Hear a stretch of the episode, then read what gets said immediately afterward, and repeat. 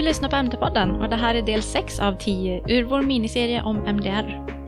I det här avsnittet går jag igenom det som MDR kallar för produkter som endast tillverkas och används inom hälso och sjukvårdsinstitutioner, alltså det vi i Sverige benämner egentillverkning. Jag vet att egentillverkning är en komplicerad fråga och jag har därför valt att göra lite allmänna tolkningar utan att ha en specifik produkt i åtanke. Om du själv har ett verkligt exempel där du behöver göra en egen tillverkning så är sannolikheten stor att informationen inte stämmer till 100%. Som vanligt får du gärna utmana tolkningarna genom att höra av dig via LinkedIn eller nyfiken mtpodden.se. Värt att påpeka innan jag kommer in på ämnet om egentillverkning är att information gällande specialanpassade produkter är en annan femma. Och det ämnet kommer tas upp av Nicole i nästa avsnitt i vår MDR-serie, det vill säga avsnitt 7. I MDR står det så här om egentillverkning och jag citerar. Hälso och sjukvårdsinstitutioner bör ha möjlighet att tillverka, förändra och använda produkter internt för att därmed i icke-industriell skala tillgodose målpatientgruppers särskilda behov som inte kan tillgodoses på lämplig prestandanivå genom en likvärdig produkt som är tillgänglig på marknaden. Slutcitat. Egentillverkning kan alltså användas när produkten med de funktioner eller specifikationer som man efterfrågar inte finns att köpa på Europamarknaden. MDR säger även att de produkter som tillverkas och används inom hälso och sjukvårdsinstitutioner inte får tillverkas på en industriell skala och ska anses ha tagits i bruk. MDRs definition av ibruktagande är tidpunkten då en produkt, som inte är en prövningsprodukt, tillhandahålls användaren och är färdig att för första gången användas på unionsmarknaden för sitt avsedda ändamål. Definitionen av ibruktagande ska inte förväxlas med definitionen av utsläppande på marknaden eller tillhandahållande på marknaden som togs upp i avsnitt 4 om ekonomiska aktörer. För egentillverkade produkter så är det kraven som ställs i artikel 5.5 samt de allmänna kraven för säkerhet och prestanda som ni hittar i bilaga 1 som gäller. Kraven i artikel 5.5 har åtta punkter som tas upp och jag kommer nu att gå igenom informationen från dem.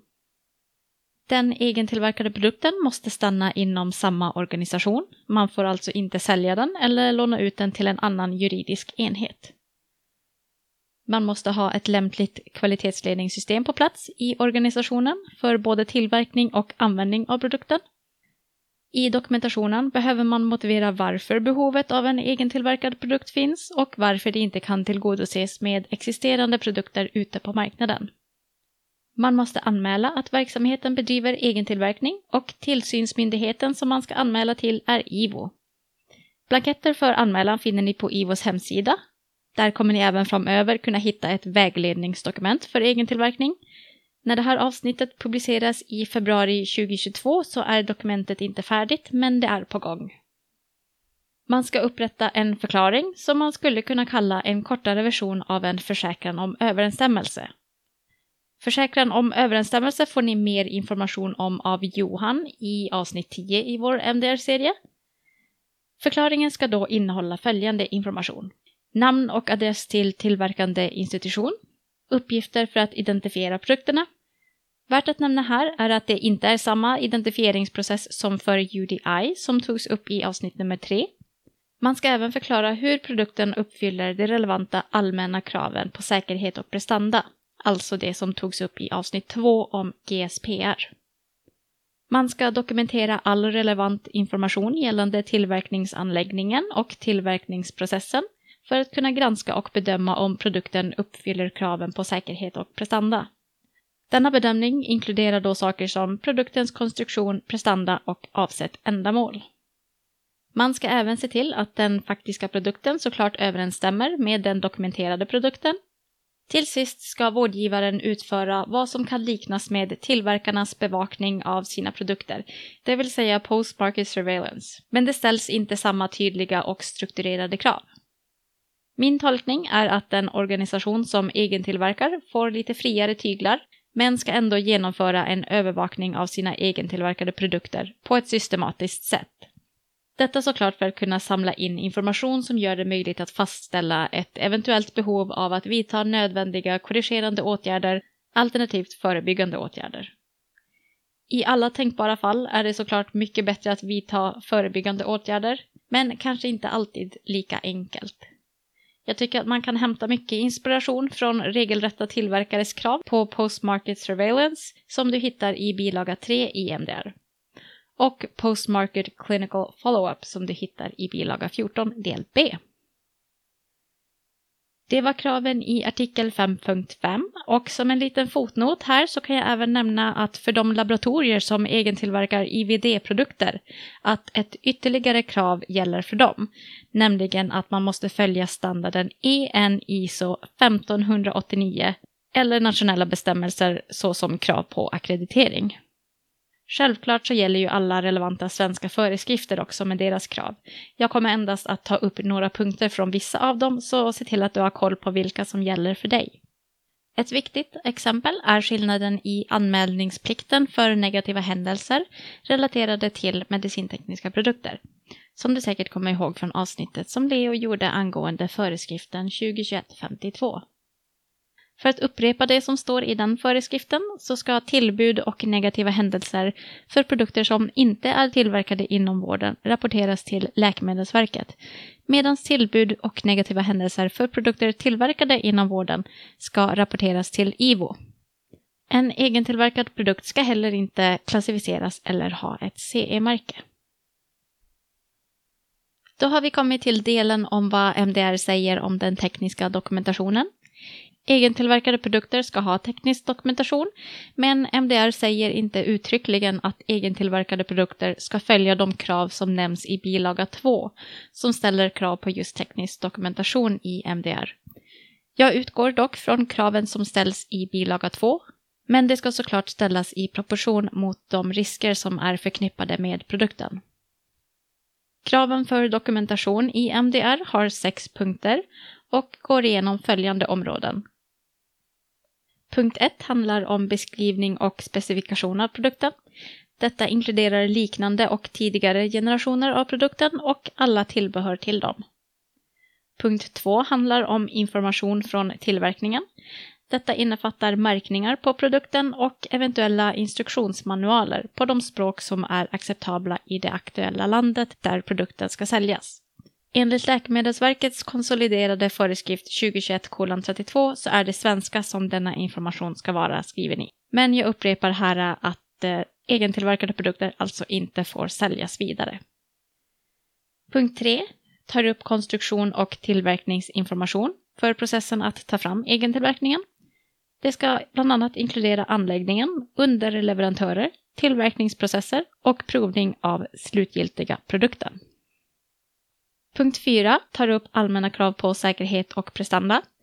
Här ska man inkludera bevis på att man uppfyller de kraven, vilka krav som är applicerbara på produkten och en förklaring av varför vissa krav inte är applicerbara om så är fallet. Man ska inkludera de metoder man använt för att visa överensstämmelse på kraven, det vill säga om man har använt sig av harmoniserade standarder eller gemensamma specifikationer för att visa detta och identiteten på de kontrollerande dokument som bevisar överensstämmelsen. Punkt 5 handlar om riskhantering och jag kommer inte gå in på djupet om det eftersom väldigt mycket angående GSPR handlar om riskhantering och vi framöver kommer släppa ett helt avsnitt om grundläggande riskhantering. Om ni ändå vill läsa på så hittar ni som tidigare nämnt all information om detta i bilaga 1 i MDR. Punkt 6, alltså sista punkten, blir lite svårt för egentillverkningar men kravet finns i tekniska dokumentationen så jag nämner det lite kort så att ni kan ha det som inspiration. Dokumentationen ska innehålla resultat av produktkontroll och produktvalidering. Detta innefattar prekliniska och kliniska data och det tar även upp kompletterade uppgifter för särskilda fall. Den tekniska dokumentationen ska enligt Läkemedelsverkets konsoliderade föreskrift 2021-32 sparas i tio år från och med att den egentillverkade produkten har tagits i bruk. En produkt man skulle kunna kalla en väldigt stor och avancerad egentillverkning är att bygga en centralgasanläggning på ett sjukhus. Egentligen så gäller samma regler ur MDR, men det är formuleringarna om att exempelvis relevanta delar ur bilaga 1 angående säkerhet och prestanda gäller gör det lite mer avancerat då centralgasanläggningar har betydligt större risker och därmed blir många fler delar relevanta så att säga. I slutet av 2017 släppte IVO en rapport med information till vårdgivare gällande egentillverkade medicinska centralgasanläggningar. De påpekade att efter tillsyn så hade de uppmärksammat brister i dokumentationen av dessa centralgasanläggningar. Detta gällde ju då under MDD och kraven ser ju lite annorlunda ut idag med MDR, men det är ändå värt att påpeka. Ni som egentillverkar kan spara både tid och pengar på att göra rätt från början istället för att behöva komplettera senare. Med det sagt vill jag lägga vikt vid att patientens säkerhet självklart kommer före den ekonomiska frågan, men i verkligheten så spelar såklart den ekonomiska faktorn även den en viktig roll. Det är även viktigt att man har koll på att alla krav alltid uppfylls Även om man använder handboken som heter 370 säkerhetsnorm för medicinska gasanläggningar vid byggnad av dessa anläggningar, då alla krav inte täcks i handboken. När det gäller så stora egentillverkningar som gasanläggningar så är kraven svåra att få till efteråt och det är därför viktigt att dessa tas i beaktande redan vid upphandlingen. Vårdgivaren ska även göra det tydligt vem som tar det legala egentillverkaransvaret och dokumentera det på ett korrekt sätt. Den ansvariga måste vara en person och personen måste vara inom vårdgivarens organisation och bör vara tillsatt redan i upphandlingsskedet. Innan jag avslutar den här delen ur MDR-serien så tänkte jag berätta om något som är en het fråga just nu. Informationen är egentligen en ögonblicksbild nu under början av 2022 och kanske ser annorlunda ut när du väl lyssnar på detta avsnitt. Men i alla fall. Återanvändning av engångsprodukter, även kallat reprocessing. Reprocessing innebär att man återställer en använd produkt till sin originella tekniska och funktionella säkerhet genom att rengöra, desinfektera, sterilisera och liknande så att den kan användas igen på ett säkert sätt. Reprocessing av flergångsprodukter är något som man ofta gör inom hälso och sjukvården med till exempel kirurgiska verktyg. MDR förbjuder reprocessing och återanvändning av just engångsprodukter men ger varje land tillåtelse att omvärdera och göra det lagligt om de vill. Och om landet tillåter det så måste gällande krav säkerställas som beskrivs under artikel 17 i MDR den vårdgivare som utför reprocessing av engångsprodukter blir en tillverkare och tar därmed på sig de skyldigheter som åligger tillverkaren enligt MDR. Däremot kan individuella länder bestämma om alla eller ett urval av dessa skyldigheter endast ska anpassas på reprocessing och återanvändning av engångsprodukter inom hälso och sjukvården. Vårdgivaren måste dock fortfarande uppnå de allmänna kraven för säkerhet och prestanda, det vill säga GSPR. För att bevisa att man klarar kraven på reprocessing av engångsprodukter så finns det ingen standard som man kan använda sig av. Det har däremot kommit ut gemensamma specifikationer, även kallat Common Specifications, som behöver uppfyllas. Vad Common Specifications är hörde ni Leo berätta om i första avsnittet. Jag kommer inte att gå in på detalj på vad som står i dessa gemensamma specifikationer eftersom det för närvarande inte är beslutat om framtiden för reprocessing i Sverige. Om ni vill läsa de gemensamma specifikationerna så går de att hitta på Europakommissionens hemsida. Eftersom Sverige inte har tagit ställning till denna fråga ännu innebär det att vi inte kan veta vilket ansvar som kan komma att gälla för eventuell reprocessing i framtiden och hur det ansvaret kommer att se ut för eventuella reprocessande aktörer om det tillåts. Du kan läsa på själv i artikel 17 om du känner att det blev lite luddigt. Och för att sammanfatta lite kort. Eftersom Sverige som sagt vid talande stund, februari 2022, inte har tagit ställning kring om det ska tillåtas eller inte, så är det MDR som gäller tills vidare och MDR förbjuder det. Till sist har jag även passat på att gå igenom proposition 2020 21 172 för att se hur åsikterna kring reprocessing av engångsprodukter ser ut. De argument som tas upp för att tillåta reprocessing är mindre miljöpåverkan och mindre kostnader för sjukvården. Det låter ju bra i teorin, men jag måste ändå säga att det som talar för att förbjuda reprocessing är i mina ögon viktigare.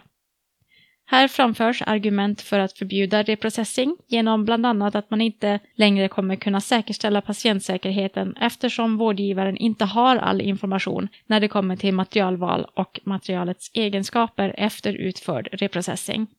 Man hävdar även att kostnadsbesparingen inte nödvändigtvis kommer att vara så stor om man räknar in de kostnadsökningarna för processer, kontroller och dokumentation och dylikt. Samt att de intäktsförlusterna som påverkar företagen eventuellt kommer att täckas på andra sätt. Du har lyssnat på MT-podden och det här var avsnitt 6 av 10 ur en miniserie som syftar till att introducera medicintekniker till MDR. MT-podden görs i samarbete med Lars Karlsson och Svensk Medicinteknisk Förening. Glöm inte att följa oss på LinkedIn och som vanligt kan du även mejla frågor och funderingar till nyfiken.mtpodden.se.